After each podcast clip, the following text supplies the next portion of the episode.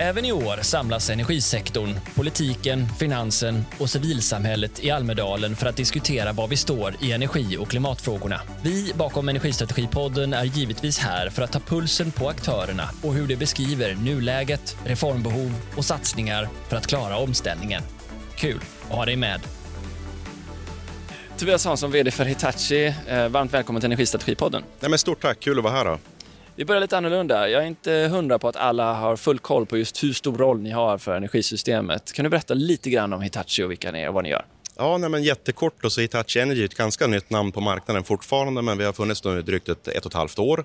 Eh, men verksamheten går tillbaka väldigt långt, då, nästan 140 år och kommer ju från det här med gamla ASEA, ABB och numera då Hitachi Energy. Och, eh, vi jobbar med det här med kraftöverföring, bygga elnät, substationer, kraftprodukter och eh, ganska bred portfölj, även energilager och, och laddinfrastruktur och, och sådana bitar.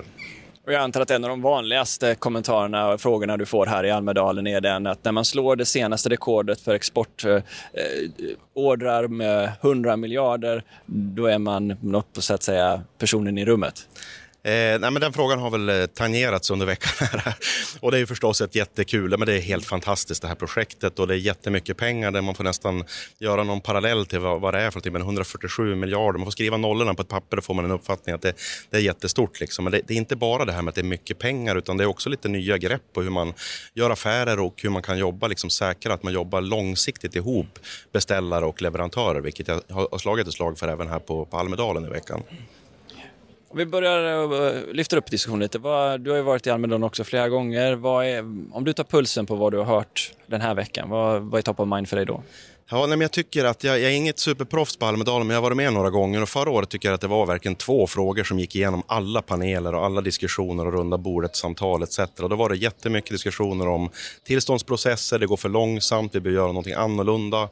Eh, och den andra biten var ju det här med att vi måste sluta den här diskussionen om ska vi ha vindkraft eller kärnkraft och liksom den här polariserade diskussionen. Och den, den gick också som en röd tråd genom hela Almedalen förra året. I, I, år tycker jag att det har förflyttats lite grann. Det, det är inte samma liksom, eh, tryck på de frågorna, hur att vi inte har löst dem. Men jag tycker ändå att det har börjat på röra sig. Vi har startat eh, från Svenska kraftnäts sida ett initiativ att titta på hur man ska korta ledtiderna och eh, även från, från politiken börjar man nu på tillsätta utredningar. Liksom, vad ska vi göra annorlunda? Jag lyssnade igår på på Örstedt som pratade om Danmark med det här med one shop stop och liksom, eh, koordinering mellan myndigheter som jag tyckte lät som en jättebra liksom, take it and copy.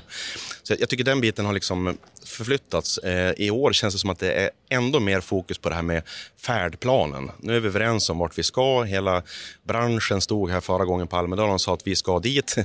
Nu, nu känns det som att vi alla är överens, och inklusive politiken. Och nu pratar vi mycket om hur ser färdplanen ut egentligen? Vad betyder det här då på, på, på vindkraftssidan, på kärnkraftssidan, på, på solkraft eh, och även det här med näten. Eh, så jag tycker att den, den bilden finns fortfarande inte där och vi står en efter en och efterfrågar den. Att nu behöver liksom lägga pusslet och, och, och kroka arm och köra mot den. Ja, precis. Om, om frågan om produktionsslag och tillståndstider förra året överskuggade andra diskussioner så dyker ju nät och nätutbyggnadsfrågan upp mycket mer i år. Och där är ni ju en otroligt viktig aktör, en av några riktigt stora leverantörer. Är, det risk att ni blir nästa flaskhals? Eh, nej, men jag tror så här att nästa år på Almedalen, det är alltid svårt att se om framtiden, det är när man vet att man inte vet. Men om man nu ska gissa på det så tror jag att nästa år då kommer vi prata ändå mer om det här med kapacitet och kompetensförsörjning. För det tror jag blir nästa bit som dyker upp ganska kraftfullt. Eh, och jag tror att när vi har lagt vår färdplan och när vi har löst tillståndsprocessen, då dyker den biten upp, precis som du är inne på. Att, att hur ska vi då mäkta med det här? Hur ska vi ha kapacitet och, och arbetskraft för att mäkta med? Och där har jag egentligen, jag försökte slå ett slag för det under veckan, att Tennet är ett jättebra ett exempel då, där, där man jobbar nu vi vet att vi ska jobba ihop kommande tio år tillsammans, Hitachi Energy och Tennet. Och då skapas ju enormt bra förutsättningar att våga investera som leverantör. Nu vågar vi investera 2000 nya medarbetare, vi vågar investera i våra fabriker, jag har sagt en miljard i vår verksamhet i Sverige. Och jag tror att det är tidens tand, att hitta den typen av affärsmodeller framåt. Samtidigt det jag hör från branschen är Hå, vad vilken tid det tar. De märker ju, alla i branschen, vad som händer när ni får en TSO från Holland, Tyskland som ger en sån enorm order. Vi vill beställa transformatorer, reaktorer, HVDC-kablar och så tar det massor med tid.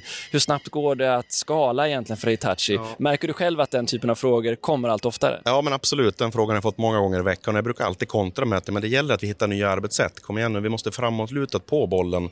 Och just det här med Tenet ska man inte se som ett hot, utan det är snarare en möjlighet att nu investerar vi, nu vågar vi ta de här stegen.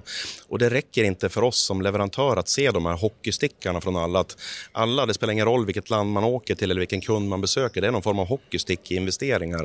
Och jag brukar alltid säga att det, det är jättebra och det är liksom lovande, men det räcker inte för att jag ska gå ut och säga att nu rekryterar vi ytterligare tusen eller nu investerar vi ännu en, en miljard, utan då krävs någonting mer. Så, så det är den jag liksom saknar och, och, skulle vilja se att vi förflyttar oss även på, på svensk marknad. Du som ju också har ett global utblick och globalt värde, värdekedja. Um, när jag pratar med de internationella aktörerna så lyfter de ofta ja men det här är inte en svensk fråga, det här är i allra högsta grad en internationell fråga. Gör inte vi det här så kommer det ändå ske globalt. Och ni märker ju det, inte minst inom den här orden. Skulle du säga att du är överens om det? Är det en passning som är, som är riktig att skicka till svenska politiker? Att det, det är ett tidsfönster här? Ja, nej, men den tycker jag är jättebefogad från, från, från din sida den håller jag med om.